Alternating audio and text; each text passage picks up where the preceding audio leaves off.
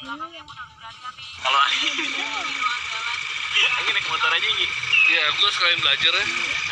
gue terakhir naik, terakhir naik motor pas SMA dan itu hampir masuk ke kolong truk gitu. Jadi kita coba aja nggak apa-apa. Ini memacu adrenalin. Iya iya iya. Oke, let's go. Anggi nggak bisa naik motor. Gue juga nggak bisa naik motor. Nggak bisa nyetirnya.